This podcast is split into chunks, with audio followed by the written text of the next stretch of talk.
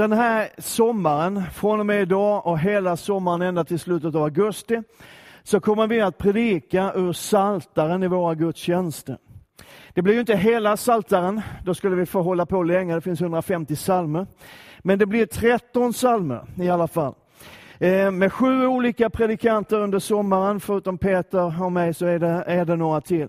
Och alla de som, som vi har bett att predika i sommar, de har själva fått välja vilka salmer som de vill predika över. Och när jag tittar på vad det blir, så blir det ett ganska brett urval av alltihop det här. Och det finns nere på bordet där en broschyr som du kan ta med dig, där det står Eh, alla söndagarna under sommaren och vilken psalm som vi kommer att predika över.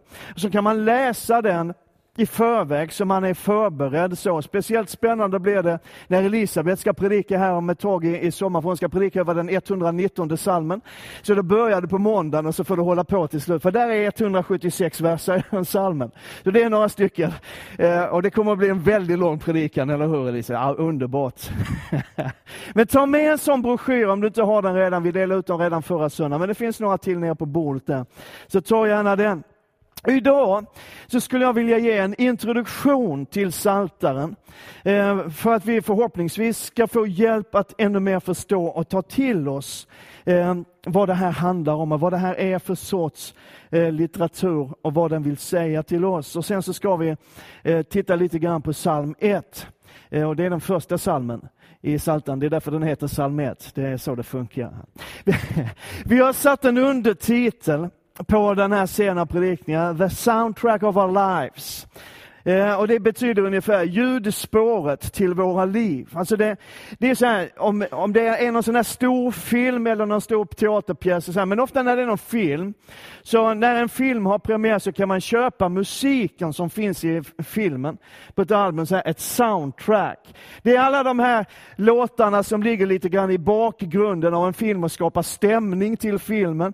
Ibland är det de här sångerna som är med, plötsligt dyker upp som för handlingen lite grann han framåt och sådär. Så det här är bakgrundsmusiken, musikankompanjemanget till våra liv, sångerna som berättar om våra liv. Det är vad Saltaren handlar om. Och de här psalmerna är skrivna och tillkomna under en period av ungefär tusen år, så det är en ganska lång tidsperiod. Och grejen är att Saltaren täcker varje aspekt av mänskligt liv. Varje aspekt av Guds relationen. Här finns bönesalmerna, när den som har skrivit psalmen utgjuter hela sitt hjärta inför Gud. Här finns lärosalmer som vill undervisa oss om vem Gud är och hur han är och vad han vill. Här finns profetiska salmer som vill ge hopp, salmer som handlar om Messias, den kommande befriaren, som vi vet redan har kommit. Och så kan vi hämta hopp och styrka och tröst i det. Här finns botsalmer, det vill säga salmer som handlar om omvändelse och syndabekännelse. Det tror jag vi kan behöva lite till mans då och då. Här finns tröstesalmer, här finns klagosalmer och här finns lovprisning och tacksägelse. Matthew Henry, alla vet vem Matthew Henry är, jag behöver inte förklara, nej jag bara skojar. Han var en engelsk teolog som levde 1662 till 1714. Han skrev en en sex volymers kommentar till hela Bibeln. Vers för vers. Det är ganska imponerande arbete, eller hur? Eller rättare sagt, han skrev fem volymer själv från, från första Mosebok och till Apostlagärningarna, sen dog han. Men den sjätte skrevs av andra baserat på anteckningar från Matthew Henrys föreläsningar. Och han säger så här om Saltaren att denna bok tar oss in i helgedomen, drar oss bort från diskussioner med människor, politiker, prisat vara hans namn för det, filosofer eller debattörer i denna värld och leder oss in i gemenskap med Gud. Genom att skänka tröst och vila för vår själ i honom och låta oss lyfta upp och sträcka ut våra hjärtan mot honom. Visst är det bra? Tänk att de kunde komma på sånt redan på 1600-talet. Reformatorn Calvin han säger så här, det finns inte en enda känsla som någon kan vara medveten om, som inte är representerad här som i en spegel. Eller snarare, den helige Ande har här målat bilden av alla bedrövelser, sorger, rädslor, tvivel, hopp omsorg och bryderier. Kort sagt, alla de distraherande känslor med vilka människors sinnen är vana att bli upprörda. Det vill säga, Saltan täcker hela livet. Varje aspekt, var man än befinner sig i livet. Om det är upp eller ner, om det är hit eller dit, eller var man än är i livet, vilket känsloläge man än befinner sig vilken andlig utveckling man än befinner sig i, så går det att hitta någonting i psalmerna. Här finns glädje och sorg, här finns framgång och motgång, här finns tro och tvivel, här finns hopp och förtvivlan, tillbedjan och klagosång. Allt det som är ditt och mitt liv är uttryckt här. Jag tänkte jag ska undervisa en stund. Igår eftermiddag så hade jag förmånen att predika på eh, en etiopisk eritreansk konferens som var här. Då predikade jag verkligen. Idag ska jag undervisa. Det är skillnad på det ibland i alla fall. Men jag vill ge dig lite, några grejer bara som kan vara bra att känna till om Saltaren. Lite överkurs kanske en del tycker, men, men eh, du får det här gratis. Jag tar inget extra för det. Det är bra. Ja. Det finns 150 psalmer. Och Psaltaren är uppdelad i fem olika böcker. Om du har, har, de flesta svenska biblar så står det första boken och så en bit längre bort så står det andra boken. så här. Och De här fem böckerna i Psaltaren är länkade genom sitt innehåll till var och en av de fem Moseböckerna. Alltså I den judiska gudstjänsten så läser man ofta någonting från Moseböckerna och sen sjöng man psalmerna från motsvarande bok. Och Det där kan vara rätt bra att komma ihåg, att om du läser i första Moseboken, du är där i din, din dagliga bibelläsning, så koppla gärna ihop det med någon av psalmerna från den första boken i Psaltaren. Är du med? De första psalmerna, psalm 1-41, kallas oftast för Davids psalmer. Ehm, och det betyder Ibland i alla fall, det är David som har skrivit dem. Men det är ordet som står, ibland så står det i början av salmen av David, eller en psalm av David. Så här. Men det hebreiska ordet som används, som är översatt med av där, det heter le. Eh, det kan betyda också för eller till eller om. Så när det står att en psalm är av David så kan den också vara skriven till David, för David eller om David. Det kan vara bra att veta det. Den andra boken är också Davids psalmer. Sen finns det någon som heter Asaf. Det står ganska många psalmer där. En psalm av Asaf. Det finns tre personer i Gamla Testamentet som kallas för Asaf. Den det handlar om här, står det om i Första krönikeboken, var en tempelsångare, alltså en lovsångsledare i templet som har skrivit en mängd psalmer som du också kan kolla på. Sen finns det några anonyma psalmer, det nu ska vara bra för, men det, det är sådana ödmjuka människor som inte vill säga att det är jag som har skrivit den. Eller så. Och sen så den sista boken, 107-150, är också David eller anonyma psalmer. Koppla de här till Moseböckerna. Du kommer att se de här psalmerna i ett nytt ljus och du kommer få hjälp att förstå Moseböckerna. Bra va? Det finns ganska många alfabetiska psalmer i hebreiskan. Hebreiskan är speciell, speciellt när det kommer till hebreisk poesi. Och ett sätt att, att använda eh, poesi det är att, att, skriva alfabetiskt. Och Det finns psalmer där det första ordet i varje vers kommer i en alfabetisk ordning. Liksom det kommer börja med Alef och sedan ett, en eller ett par verser på Beth och sedan på Gimmel och sedan på Dalef. Och så, så tittar du här och så säger men det är ju inte den ordningen som är där. Jo, men om du läser från höger till vänster så är det rätt. Det är så man läser hebreiska. Nämligen. Till exempel psalm 119 som Elisabet noga kommer gå igenom alltihopa det här. Så finns det åtta versar på var, var och en av de hebreiska bokstäverna. En del biblar har dessutom det utsatt så du kan, kan följa det från den första till den sista. Åtta versar på varje, 22 bokstäver, vad blir det? 176 rätt, bingo. Sen finns det någonting som kallas för parallellism. Får du ut någonting av det här? Det vet du inte än. men jag tycker det här, det här kanske är lite överkurs, men det finns någonting i det här som hjälper oss att förstå och ta till oss.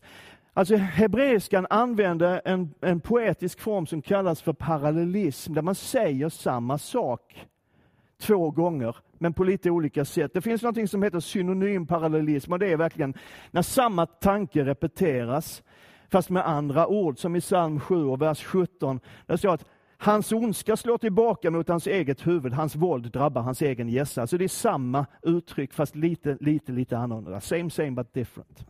Det finns något som kallas för antitetisk parallellism. Där den första radens tanke blir förtydligad genom en motsatt eller konstaterande tanke i nästa rad, som i psalm 34. Unga lejon lider nöd och hungrar. Men de som söker Herren saknar inget gott. Eller den syntetiska parallellismen där andra raden fördjupar och utvecklar den första radens tanke. Herren är en stor Gud. Hur stor då? Ja, han är en stor kung över alla gudar. Så förstärks det på det sättet. Eller kulminerande parallellism. Jag kommer ha en skrivning på alla de här uttrycken sedan. Så att du vet det. Där den andra raden repeterar den första med undantag av de sista orden. Ge åt Herren i Guds söner, ge åt Herren, vadå, ära och makt. Och slutligen, symbolisk parallellism. Du kan det här nu va? Där en rad uttrycker huvudtanken och den andra raden belyser huvudtanken med en bild. Ibland kommer bilden först och ibland huvudtanken först, men det hör ihop. Som hjorten längtar till vattenbäckar. Nu har man en bild, eller hur? Det står, står egentligen i grundtexten som hjorten flämtar efter vatten. Så har man en bild, hjorten som längtar. Så längtar min själ efter dig. Det här kan vara rätt intressant när du sitter och läser Psaltarna och funderar på hur är det här skrivet? Vilken sorts parallellism är det? Är det någon parallellism? Alltid är det inte det, men ibland. All right, vi går in i psalm 1 som kallas för psalmernas psalm, därför att det här är på något sätt en introduktion till hela Psaltaren och den lyfter hela Psaltarens tema. För temat i Psaltaren och i, i alla psalmer och framförallt i den här, det är att det finns två vägar i livet. Det finns en väg som leder till välsignelse och det finns en annan väg som leder till fördömelse och fördärv. Och Det är ett grundtema egentligen i alla psalmer. Det är ett grundtema i hela Bibeln egentligen, men det kommer särskilt tydligt fram i psalmerna. Att Guds väg leder till välsignelse. Det finns en annan väg som inte leder till välsignelse. Det här finns med till och med i klagosalmerna. De här salmarna över klagan över att det inte är som det borde vara. Men där finns också ett hopp att ja, men det blir nog som det är tänkt att vara. I alla fall, Guds väg leder till välsignelse. Och psalm 1 handlar på något sätt om kontrasterna mellan de här två vägarna. Den rättfärdiges väg i kontrast och motsats till den ogudaktige eller gudlöses väg. Och så börjar psalmisten med den rättfärdiges väg och talar om vad den rättfärdige inte gör. och vad han gör.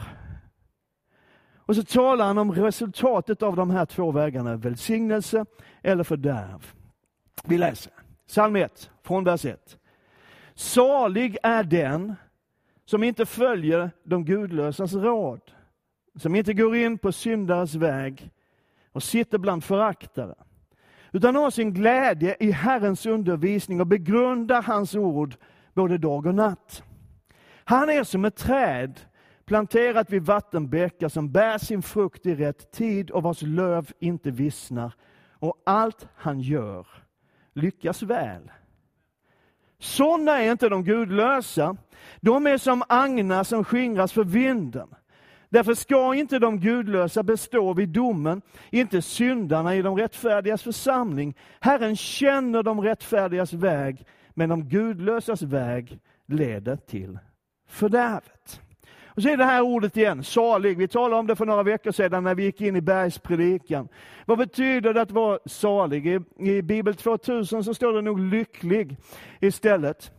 Men det är någonting mer än det. Vi sa för några veckor sedan, när vi tog upp det här uttrycket, att vara salig handlar om att vara föremål för Guds välvilja, för hans nåd och barmhärtighet. Det är att vara välsignad, att Gud liksom låter sin välvilja och sin kärlek och sin nåd flöda över oss. Det är att vara salig. Så det är ju liksom mer än en stilla lyckokänsla när Liverpool har krossat Tottenham som jag upplevde igår kväll. Underbar kväll. Men, men det var ingen salighet, det var bara en stilla susning av lycka. Är du med mig nu? Och ordet välsignelse i hebreiska står så gott som alltid i plural. Så det är välsignelse. Egentligen så står det här, åh vilka välsignelser som drabbar den som inte gör det här. Och så talar psalmisten om saker att undvika.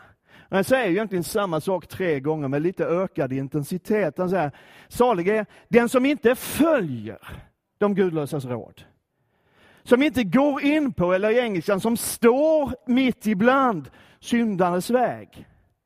Eller sitter ner bland föraktare. Och där finns också en utveckling i hur syndens makt, hur mörkrets makt kan öka i en människas liv. Salig är den som inte följer de gudlösa. Alltså den som inte tror, en gudlös människa. Som inte går in på syndares väg. Där har du nästa nivå. Först är du utan Gud och sen blir du en syndare. Är du med?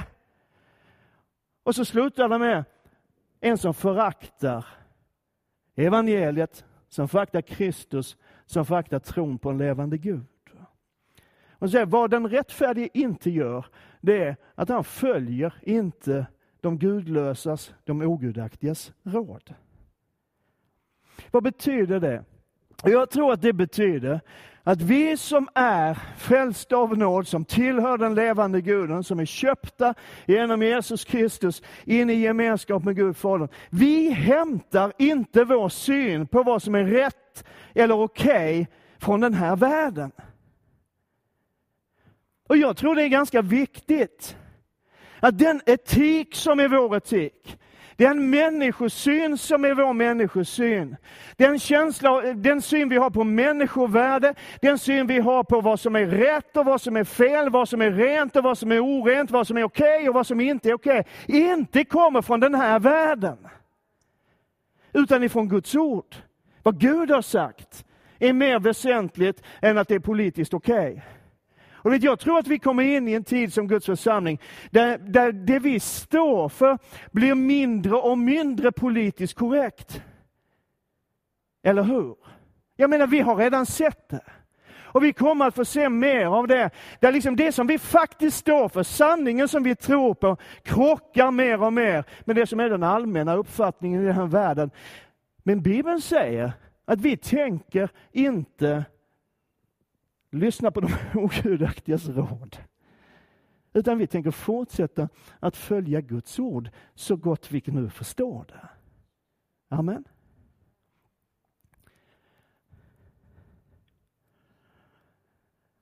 Den rättfärdige går inte på syndares väg. Och då kan man fundera över det. Ja, men vi är ju syndare. Eller hur? Nu blev det jättejobbigt. Nu får vi börja från början. Vi har varit syndare, eller hur? Och vi är syndare. För ingen av oss är perfekt. Vi är som, som Martin Luther sa, simul justus et peccator. Alltså vi är på en gång samtidigt rättfärdiga och syndare. Vi är det samtidigt. Vi är rättfärdiga, inte för att vi är syndfria och för att vi är perfekta människor. Vi är rättfärdiga på grund av vad Jesus har gjort. Vi är fortfarande syndare för vi fortsätter att göra det som är fel, både du och jag. Eller hur? Ja. Men vi är ändå rättfärdiga. Därför att Jesus har gjort någonting som är större än oss. Prisat vara hans namn för det. Så vi är samtidigt rättfärdiga och syndare men vi är syndare som har blivit frälsta av nåd. Och när en syndare har blivit frälst av nåd, så är det meningen att man överger det gamla sättet att leva. I gudlöshet och i synd och i förakt mot allt som är rätt och rent och heligt. Paulus skriver så här i Efesierbrevets fjärde kapitel. Därför ska ni lämna ert gamla liv Lägg bort den gamla människan som går under, bedragen av sina begär. Och låt er förnyas till ande och sinne och klä er i den nya människan som är skapad till likhet med Gud i sann rättfärdighet och helighet. Alltså det finns en längtan hos den som har, har, tagit emot Jesus, som har upplevt hans nåd, som har blivit förlåten, som har blivit befriad, som, som har blivit förvandlad. Det finns en längtan efter det som är rätt och rent och heligt. Och därför så lämnar vi det som hör till det gamla. Och sen så är vi där ibland, både du och jag, vi är fortfarande frälsta av nåd. Halleluja. Det tredje som den rättfärdige inte gör, är att han sitter inte bland föraktare eller bespottare som det stod i en tidigare översättning.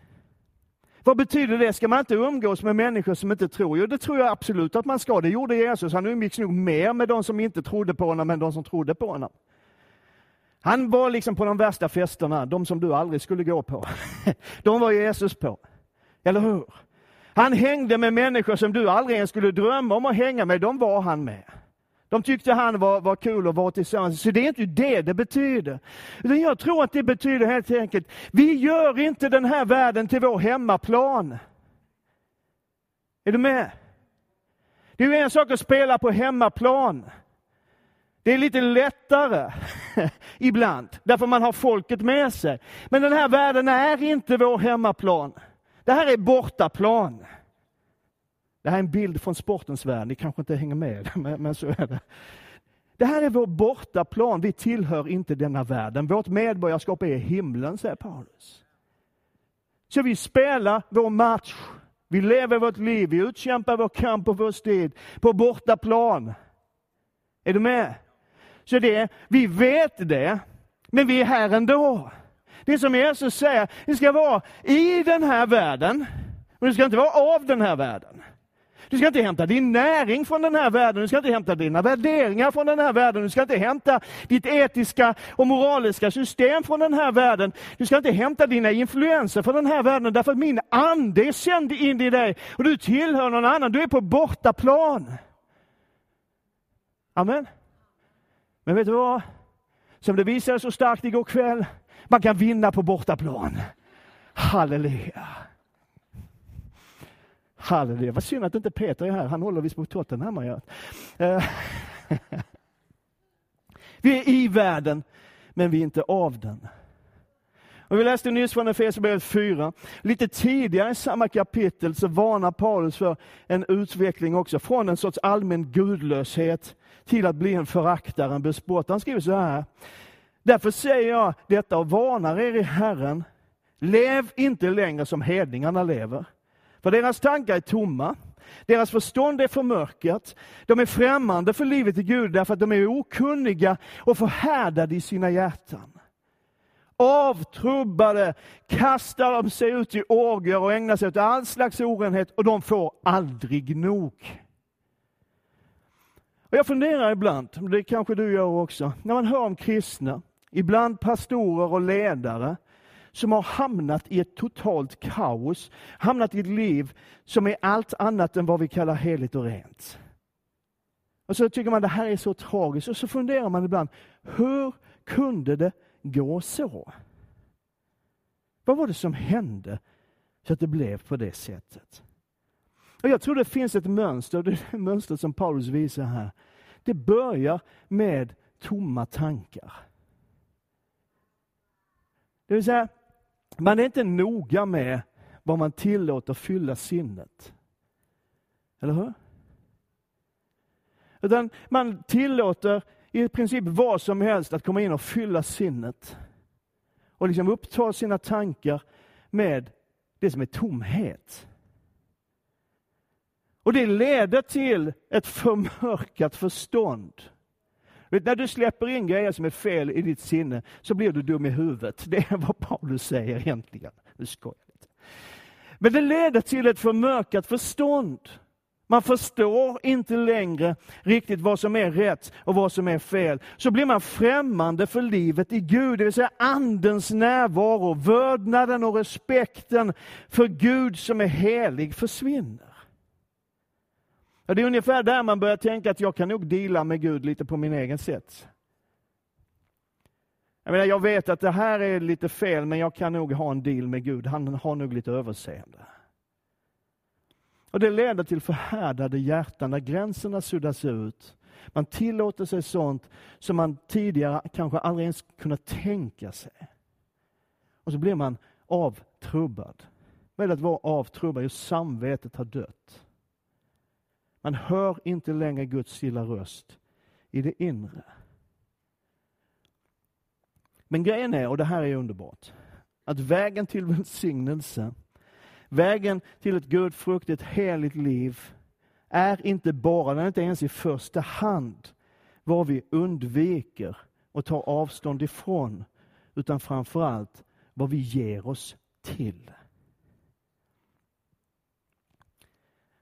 Salig är den som inte följer de gudlösas råd, som inte går in på syndars väg, sitter bland föraktare, utan har sin glädje i Herrens undervisning och begrundar hans ord både dag och natt.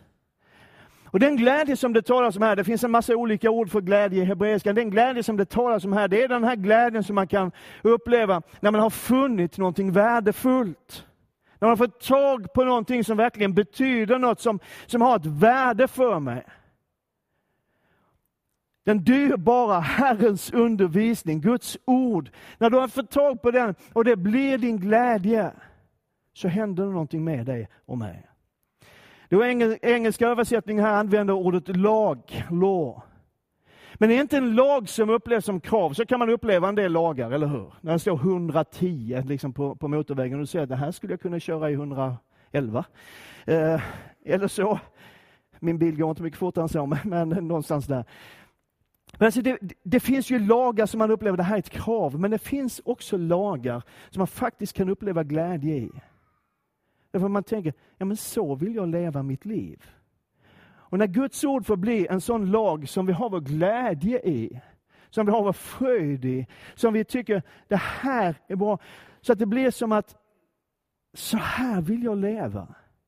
Därför att jag ser att det finns någonting i detta, det sättet att leva, som kommer att välsigna mitt liv, men inte bara mitt liv, utan också andras liv.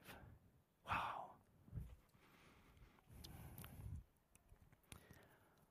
Psalm 19 säger att Herrens undervisning är fullkomlig. Den ger nytt liv åt själen. Visst låter det härligt? Har du varit trött i själen någon gång? Man kan bli det ibland, så där liksom utmattad på insidan. Och så säger Guds ord att Herrens undervisning ger nytt liv åt själen. Herrens vittnesbörd är sant. Det ger vishet åt enkla människor. Det är väl tur att vi är enkla människor, både du och jag. Så att vi kan få del av en vishet som inte är av den här världen. Herrens befallningar är rätta, de ger glädje åt hjärtat. Herrens bud är klart, det ger ljus åt ögonen. Herrens vördnad är ren, den består för evigt. Herrens domar är sanna, de är alla rättfärdiga. Den som har sin glädje i Herrens undervisning. De är mer värda än guld, en mängder av fint guld. De är sötare än honung, en renaste honung. Genom dem blir din tjänare varnad och de som följer dem får stor lön. Halleluja. En sån människa, säger salmen, den första salmen, som har sin glädje i Herrens undervisning, som hämtar sin kraft, sin energi, sin styrka från vad Guds ord säger, är som ett träd planterat vid vattenbäckar, som bär sin frukt i rätt tid, vars löv inte vissnar, och allt han gör lyckas väl. Halleluja. Vid trädet som står där är planterat, står det, eller hur? Det är planterat. Ett träd som är planterat står där det står med en tanke. Eller hur? Eller hur? Ett planterat träd står där det står med ett syfte, med en tanke. Och det handlar om en bild. Det är en bild av växt och utveckling. Jeremia 17, så säger Herren, Förbannad är den som litar till människor och söker sin styrka i det som är kött och vars hjärta vänder sig bort från Herren. Han är som en torr buske på heden och får inte se något gott komma. Han bor på brända platser i öknen, på salt jord där ingen bor. Men välsignad är den som litar till Herren och har Herren till sin trygghet. Han är som ett träd planterat vid vatten och som sträcker sina rötter till bäcken. Det fruktar inte om hetta kommer, dess löv är alltid gröna, det oroas inte under torra år och det slutar aldrig att bära frukt. Ibland så kan man känna när man läser Guds ord, ja men det där skulle jag vilja ha. Eller hur? Ja men så vill jag ha mitt liv. Halleluja. Ordet planterad står egentligen faktiskt transplanterad eller omplanterad. Det vill säga, det där trädet är inte sått där det står med ett frö, utan det har stått i en annan miljö. Och så har det någon som har grävt upp det där trädet ur den miljön och satt det där det borde vara, det där trädet. Eller hur? Det är vad det står. Och så har det blivit planterat där. Han har frälst oss från mörkret och mörkrets välde. Och så har han fört oss in i sin älskade Sons rike, där vi borde vara. I honom är vi friköpta och har förlåtelse för alla våra synder. Halleluja! Det är planterat, det är uppryckt därifrån och så är det satt där, där det skulle vara. Halleluja! Och det bär sin frukt. Det bär sin frukt, det blir något bestående av ett sånt liv. Jesus säger i Johannes 15, vers 16 att jag har bestämt er till att gå ut och bära frukt och er frukt ska bestå. Och så, så kommer den här. Och allt vad han gör lyckas väl. Är det någon som har upplevt det i livet? Att allt vad du gör lyckas väl hela tiden? Det är bara jag. alltså vad betyder det att allt han gör lyckas väl? För så är det ju inte, vi vet ju det. Vi gör bort oss lite då och då. Ibland så blir det lite halvdant och ibland så kanske det någon gång blir bra. Vad betyder det? Jag tror att, att vår definition av att lyckas, vår definition av framgång är så ofta besmittad av den här världens sätt att tänka framgång. Eller hur? Vet, Bibelns definition av framgång, vet vad den är? Är du intresserad av att veta vad, vad den är? Ja, vad kul, bara kolla så att ni är med. Bibelns definition av framgång, det är när jag är en välsignelse för någon annan. Det är Bibelns definition av framgång. Det vill säga, när mitt liv lyser upp den här världen och pekar på Jesus. Kolla här, psalm 37. Lita på Herren och gör det goda, bo i landet, lev i trofasthet, ha din glädje i Herren. Då ska han ge dig vad ditt hjärta begär. Anförtro din väg åt Herren och lita på honom. Han ska göra det. Han ska låta din rättfärdighet gå fram som ljuset, din rätt som middagssolen. Och häng med mig till Jesaja. Jag måste skynda på nu, för nu har jag predikat länge. När Gud liksom reagerar på en massa religiösa övningar. För det är vad han gör i Jesaja 58. Det vill säga, alltså alla de här grejerna som ni håller på med av olika religiösa slag, era fastor, era kalendrar och allt vad det nu är för någonting. Ja men fine, håll på med det, men den fasta jag vill ha, det jag verkligen vill ha, säger Gud. Det är att du är med och lossar orättfärdiga bojor, att du löser okets band, att du släpper förtryckta människor fria, att du bryter sönder ok. Att du delar ditt bröd med den som är hungrig. Att du ger de fattiga och hemlösa en boning. Att du klär den som är naken när du ser honom. Inte dra dig undan från den som är ditt kött och blod. Vem är kö mitt kött och blod? Varenda människa. Då ska ditt ljus bryta fram och gryningen och ditt helande växa fram med hast. Din rättfärdighet ska gå framför dig och Herrens härlighet följa dig i dina spår. Jag vet inte hur det är med dig, men jag vet att jag skulle vilja leva ett sånt liv där Herrens härlighet följer i mina spår. Där Guds härlighet hela tiden finns i närheten av mig. Ett sånt liv vill jag ha.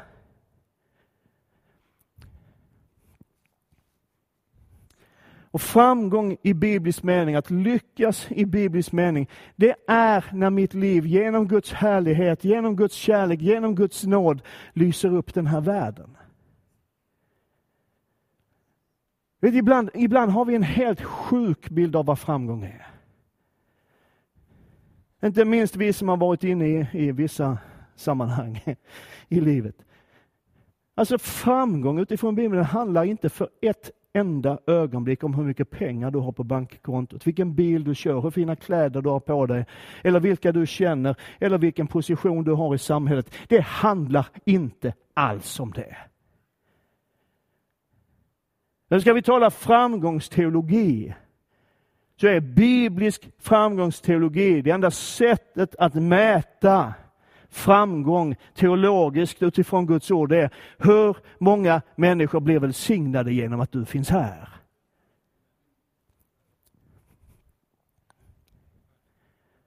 Ja, det är värt en applåd, men vi kan ta den en annan dag. Det är nästan bättre med ingen applåd än en sån frikyrkoapplåd. Framgång är frukten av ett liv som levs i hänlighet med vad Gud vill.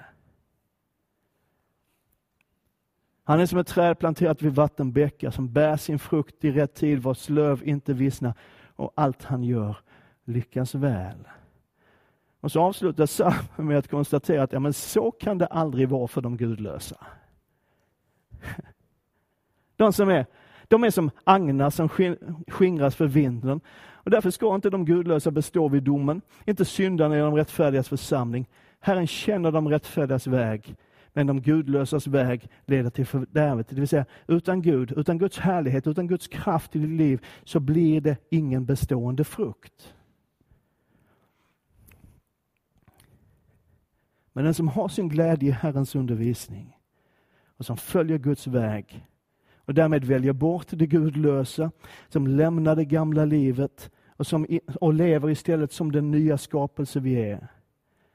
Han och hon är som ett träd, planterat vid vattenbäckar, som bär sin frukt i rätt tid, vars blad inte vissnar och allt vad han gör lyckas väl. Ska vi be tillsammans?